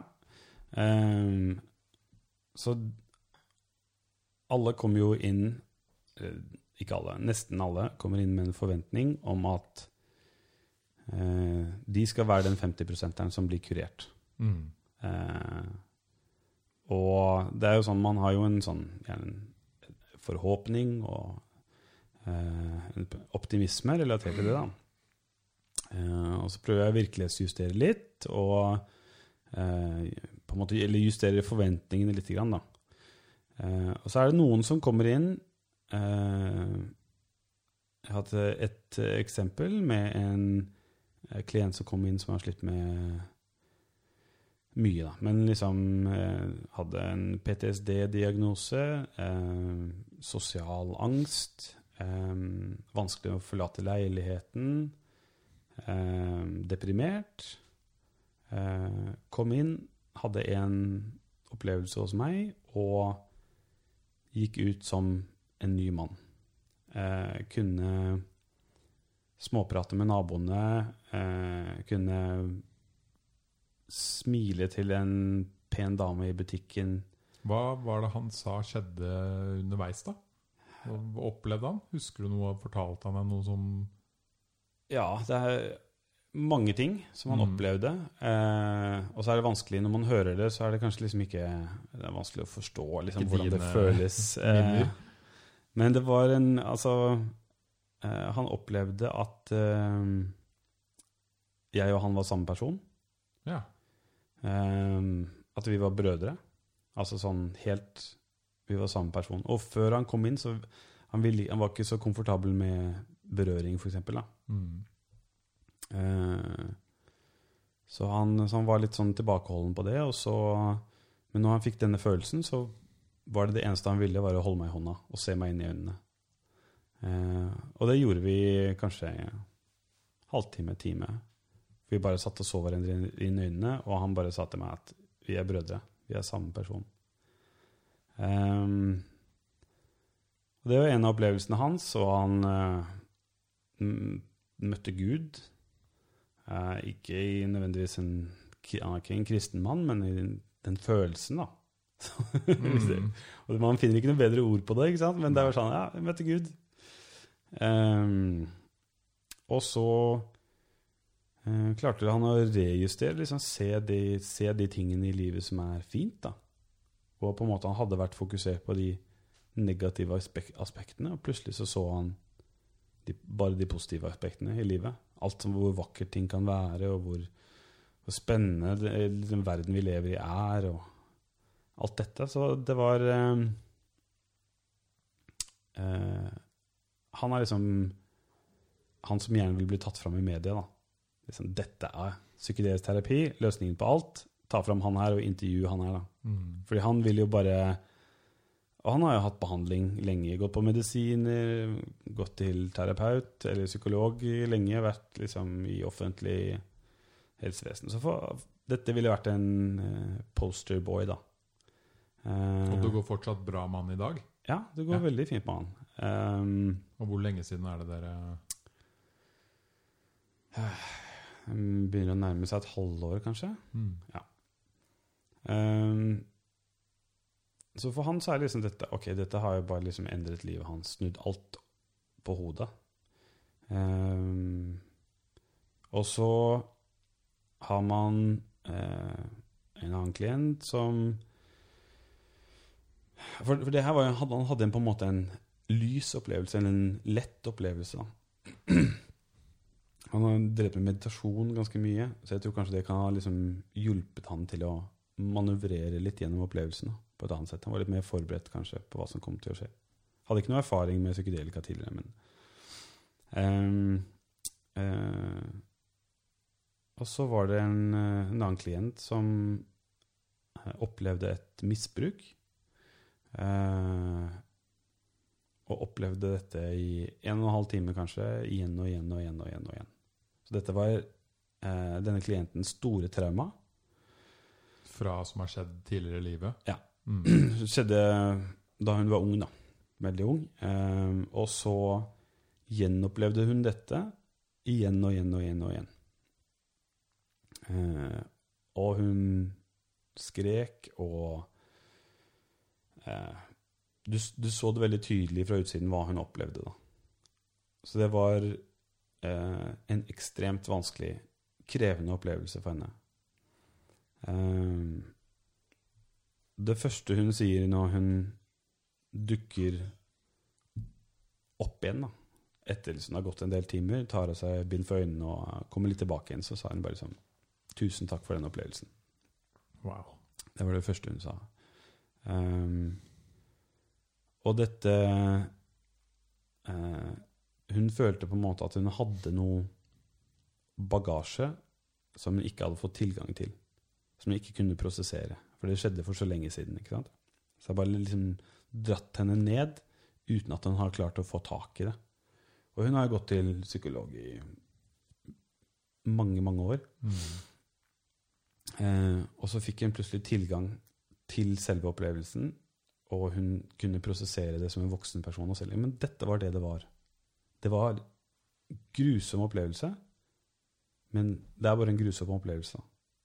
Altså, det trenger ikke å farge resten av livet. Nei.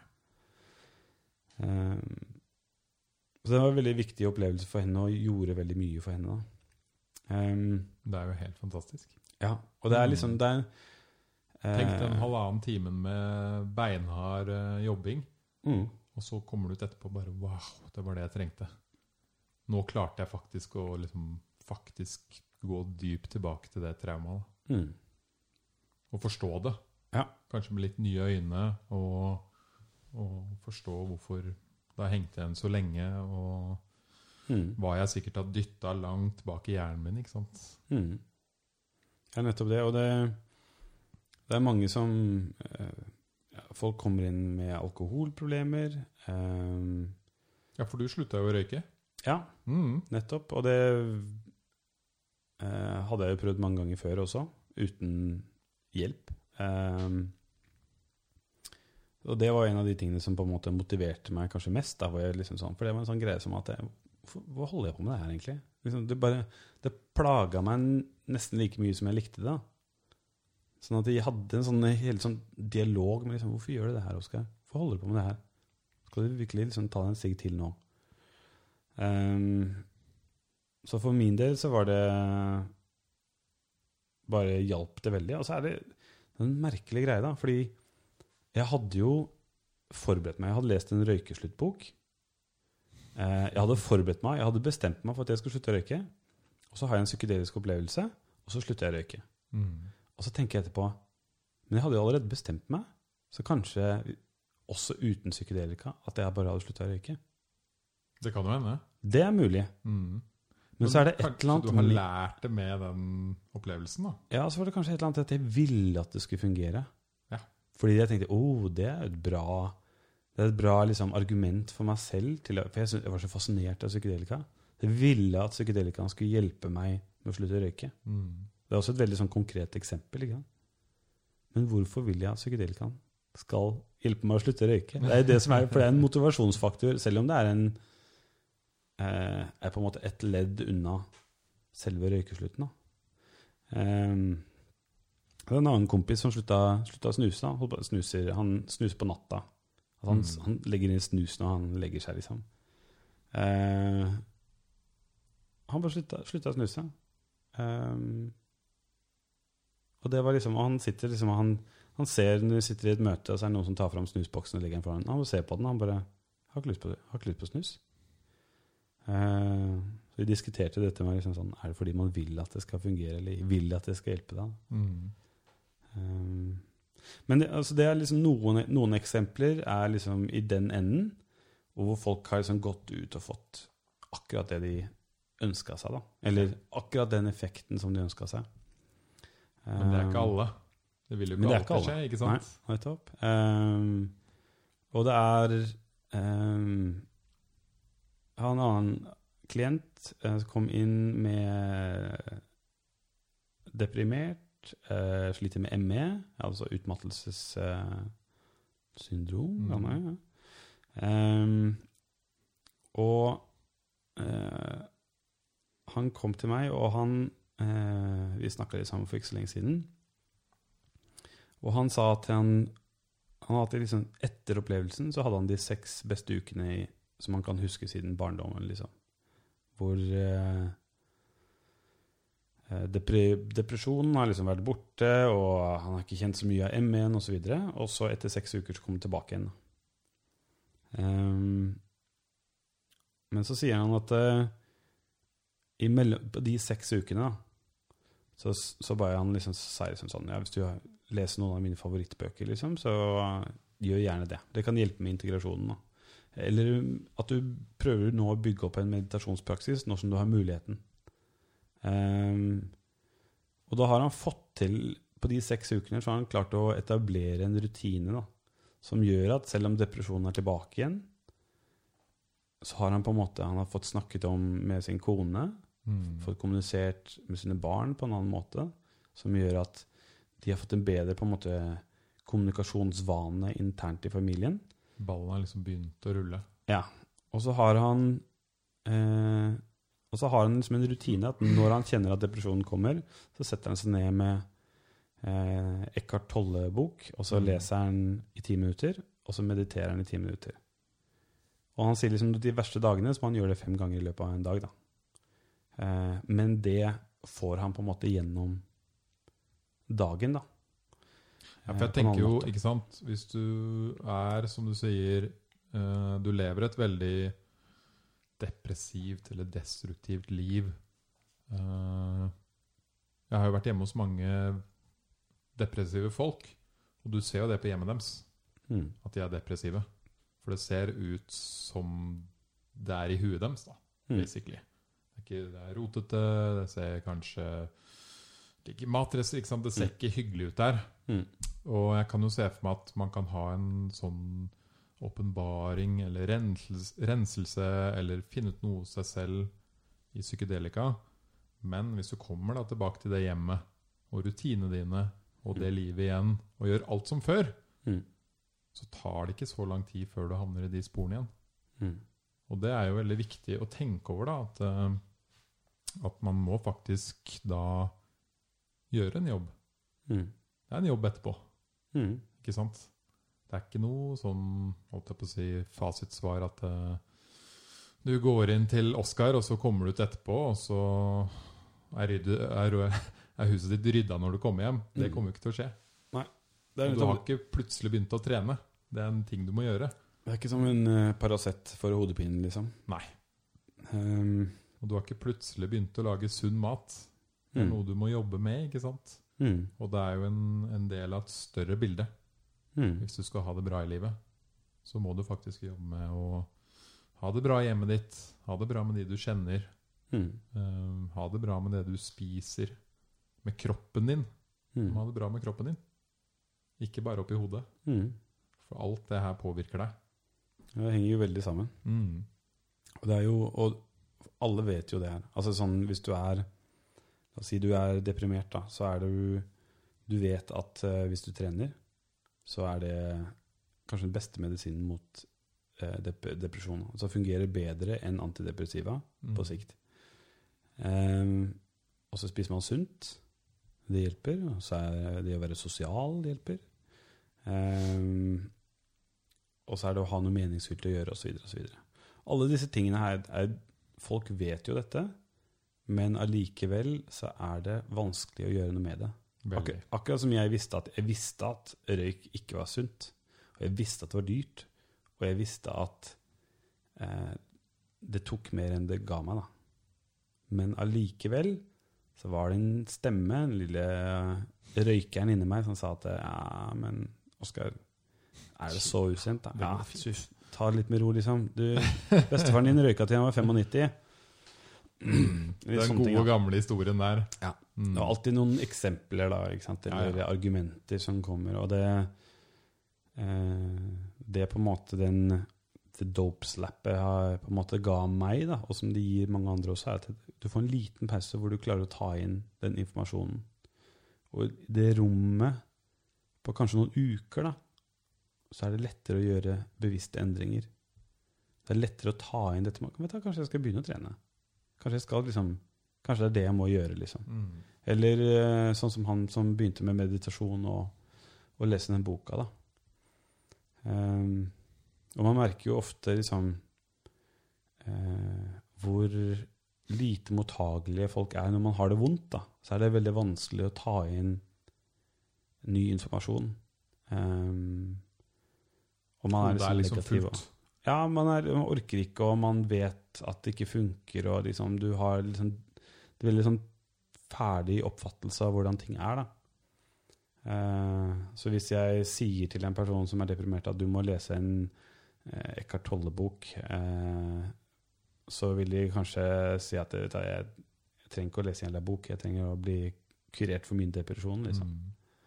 Mm. Men etter en sånn opplevelse, så er det sånn da, jeg, okay, jeg kan lese en bok, jeg kan prøve, da. Ja. Så, Nå har jeg litt plass i hjernen. Ja. Litt rom. Litt grann rom. Pusterom, Mm. da.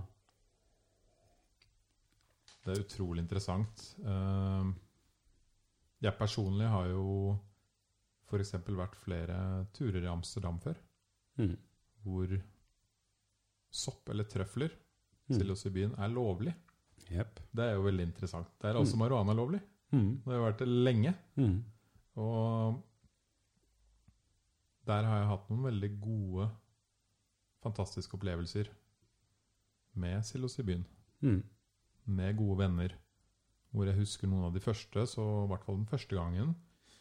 Da var vi vel tre karer. Ordentlige gutter. Mm. Ordentlige menn. Mm. Guttetur i Ja, I Amsterdam. Og da tok vi psilocybin, og disse tre veldig tøffe kara ble jo sittende og klemme hverandre og gråte av lykke Mm. i mange timer. Mm. Ikke sant? Og hva får man ut av det? Jo, du får jo et, en veld, et veldig uh, dypere og mer meningsfullt vennskap. Mm. Og så får du fjerna mye av det derre gutta Mm. eh, greiene, som er sånn derre Vi gutta skal ikke klemme så mye, ikke sant? Nei, skal ikke snakke om følelser og Nei, nei, nei. Det, går, det går bra. Det går bra her. Ja. Eh, jeg har også hatt ekstremt sånn visuelle opplevelser der. Mm. Husker sist jeg var i Amsterdam, så var det veldig fint vær midt på sommeren. Mm. Og du, det som er så gøy der, er at du kan jo gå inn til en sånn truffle shop. Husker jeg ikke hva de heter. Eh, og så kan du si Headshop? headshop Nei, Ja. Kanskje, ja. Ja. Noe sånn. Og så kan du jo si akkurat sånn uh, Du, jeg har lyst til å ligge i sola i dag og se på skyene og høre musikk og kose meg veldig. Mm. Og så spør de ok, vil du ha mest oppi hodet ditt, at du skal tenke mye, Mm. eller vil du ha mest visuelt? Eller vil du ha en blanding? Mm. Og, og så spør de deg hvor erfaren er du? Mm. Hvor mange ganger har du gjort det før? Hvem skal du gjøre det med? Mm. De sørger for at de prøver i hvert fall å gjøre det trygt for deg. ikke sant? Legge et sånn minimum av eh, risiko Mm. Ja. Og da sa jeg ok, nå vil jeg teste noe som er visuelt. Mm. Han sa ok, så den het noe sånn sykt Super Dolphin Megalover eller et eller Mm. annet sånt. Jeg bare ja, den tar jeg. Og så kan du spørre hvor mye burde jeg ta, ikke sant? Mm. Og så sier de ja, ta akkurat det her, og så venter du så lenge.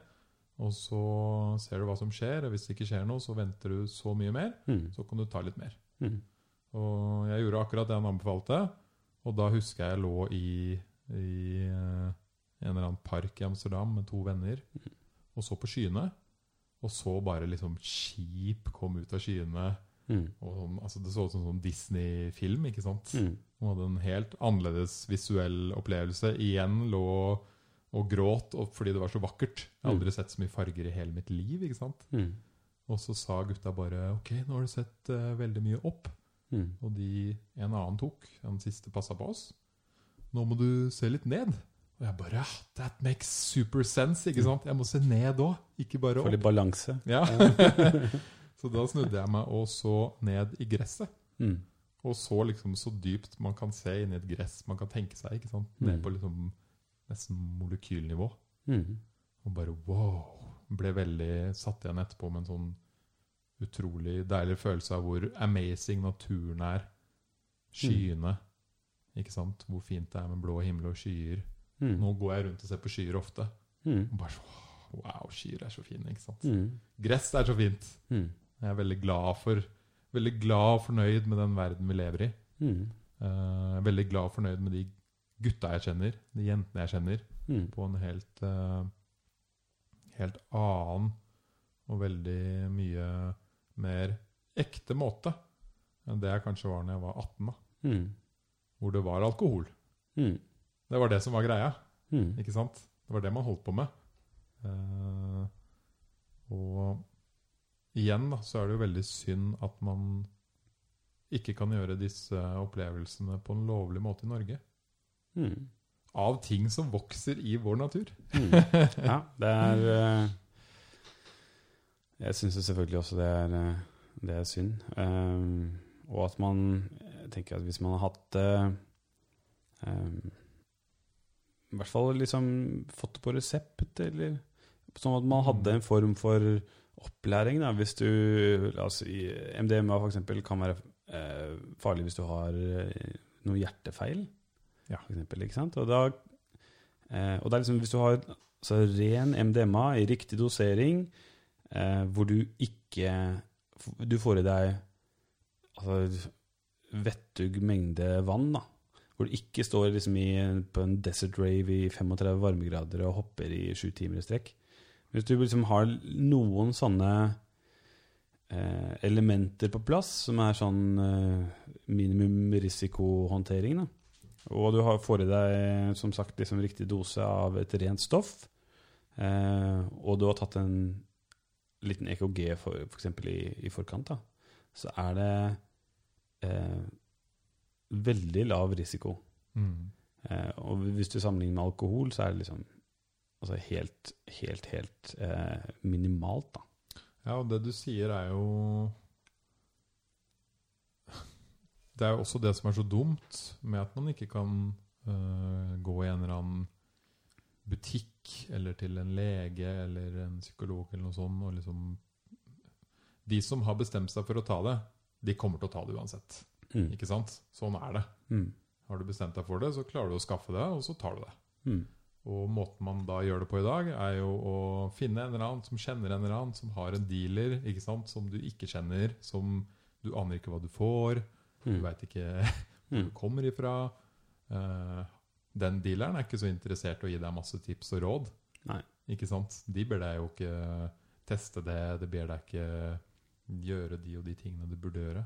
Nei, de vil ha kortest mulig transaksjon uansett. Ja. Og det er jo veldig dumt at uh, det da ligger på det Hva skal man si eh, Et nivå som gjør det farligere for folk, folk enn det det hadde trengt å være. Mm. Og så har du i tillegg, så har du da, hvis du har en vanskelig opplevelse, så er det, tør de- færreste å snakke med sin psykolog om det. Ja. Fordi de er redde for at eh, For de har hørt historier om at folk har blitt anmeldt, f.eks. Mista førerkort, eller Eh, eller bare de, at de er veldig sårbare. At de Jeg har snakket med flere som har på en måte hatt en, en såkalt bad trip da, eh, med noe psykedelika, og så kommer de til psykologen sin, og så sier psykologen at ja, men det, du, du, opplever, du opplever en psykose, og det er fordi du har tatt dette stoffet. da, Så det burde du ikke ha gjort. Og så sier de OK, takk. Takk for det. Da da, da går jeg bare hjem til meg selv og har skam for det jeg har gjort i tillegg. da. Mm. Og føler at det er noe feil med meg. Ehm, så jeg hadde eksempel en Så jeg, jeg jobber jo liksom også med eh, terapi eh, Altså vanlig samtaleterapi, da. Eh, men også liksom fokusert på noen spesielle modeller som er, fungerer godt sammen med psykedelisk terapi. Ehm, men så er det også dette på en måte Folk vet at jeg er fordomsfri når det gjelder rus, da. Ja. Ehm, for det er liksom Hvis folk har hatt en veldig, veldig vanskelig opplevelse, eh, og de har gått med den her, de tankene på en måte på innsiden, så er det sånn at det at jeg sier at det, det, her er ikke, det her er ikke unormalt Altså Mange av mine klienter reagerer på den måten her. Det er mange av mine klienter som opplever den mest intense frykten de noensinne har opplevd i sitt liv. Mm. Eh, og det er, det er ikke uvanlig at folk eh, kan begynne å skrike, eller at folk kan begynne å rulle rundt, eller uh, Ja. Det er liksom Altså, jeg har, jeg har bleier tilgjengelig hvis folk uh, føler at de uh, ikke klarer å vite om de må tisse eller ikke, f.eks. Så kan man ta på seg en bleie, da. Mm. Det er noen sånne Og når, når folk kommer inn og får liksom normalisert sin opplevelse At liksom, å ja, det, her, det er bare fordi jeg tok litt for mye, og jeg var i en dårlig setting. Det var derfor dette skjedde. Så kan de på en måte prosessere opplevelsen på en helt annen måte. Og da kan de si ok, men ok, var det noe jeg kan lære ut av det her, da? Og da kan de plutselig gi dem noe positivt, istedenfor å være denne mørke skyen som alltid ligger bak dem. Da. Mm. Du må ha noen varierte arbeidsdager. Veldig. Det er, eh, det er veldig vanskelig, og veldig, helt umulig å forutsi. Mm. Um, så jeg Det må liksom være ganske tungt for deg òg noen ganger. Ja, det er Det kan være um, Det kan være noen dager som er mye mer krevende da, enn andre. Noen ganger så sitter jeg kanskje halvparten av gangene kan jeg sitte og lese en bok. Ja. Folk er helt i sin egen verden, og det de kan, de kan ha en veldig på en måte utfordrende eller vakker opplevelse på innsiden, men at lite kommer ut. da. Mm. Uh, og så er det noen andre som er mer utagerende. Og da noen ganger plukker opp en bok, og så har jeg lest én setning, og så det, ok, nå det ble ikke noe mer av det i dag. Så, Men uh, Oskar, oh. hvis noen vil uh, uh, finne ut mer om deg og og eventuelt ta kontakt eller ta en prat med deg, hvor finner de deg? Ja, jeg har en nettside Ja. eh, som er syn.no med P foran, så psyn.no. Eh, så det er liksom det er nettsiden min. Jeg kan kontakte meg gjennom og sånne ting. Og så har jeg en blogg på den siden også, hvor jeg skriver om ja, ulike ting. Så man kan jo på en måte ja, Hvis man hører på det her, så får du litt bilde av meg. Så kan man lese litt på bloggen og se, ja, se om det på en måte virker som riktige personer å kontakte for dem. da. Mm. Um, og så er det alle som kontakter, får en gratis konsultasjon på 15 minutter over telefon. Så det, det trenger ikke å være at man Det kan egentlig bare være om man har spørsmål om rus. da. Ja, altså sånn Helst ikke liksom ting man kan google selv og sånne ting, men Nei. Gjøre en liten jobb selv ja, først. Ja, um, Det ringer ikke deg og spør hva er Hvor mye skal jeg ta i kveld, liksom? Nei. Ja.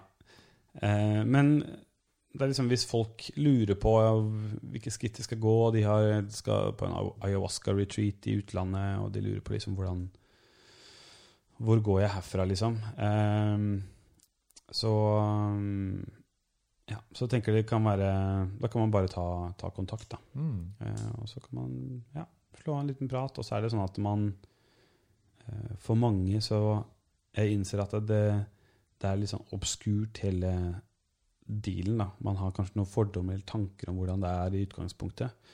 Eh, så det på en måte å starte en sånn prosess som det her er litt eh, Kan være litt ekkelt for folk.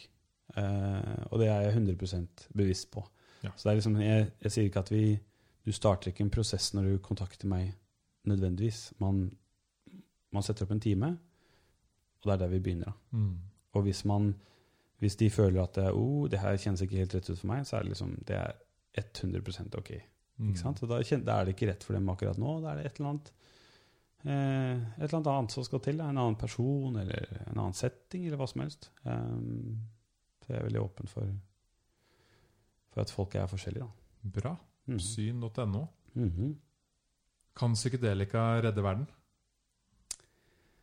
Eh, det kan være med på å sette i gang noen prosesser som kan redde verden. Eh, Mm. Ja. Det tror jeg. Ja. Men ikke det alene og liksom det Kan være et viktig verktøy. ja, Ikke drikkevannet liksom, til alle. Det løser ikke ting. Men jeg tror det kan eh, Jeg tror det kan hjelpe veldig mange, og det i seg selv kan eh, bidra til ganske store endringer i, i verden. Da. Tusen takk for at du kom hit i dag, Oskar. Mm, takk selv. Folkens, sjekk ut psyn.no hvis dere vil lese mer. Uh, liker du episoden, så gjerne skriv en uh, review i din uh, podkast-app. Mm. Og følg meg på Instagram eller Facebook på Hennings Verden. Mm. Uh, Så tror jeg på. Ja, på iTunes så tror jeg du må scrolle helt ned for å legge en review. Det er litt, sånn, litt vanskelig å finne, kanskje. de har gjemt det litt. Det var et eller annet sånt. Uansett, da. Dette er jo. Ja. Man må scrolle litt ned og rote litt rundt. Mm. Men uh, det betyr veldig mye for meg hvis dere har lyst til å legge inn en, en hyggelig liten beskjed. Mm. Takk for i dag. Tusen takk for at du kom. Selv takk.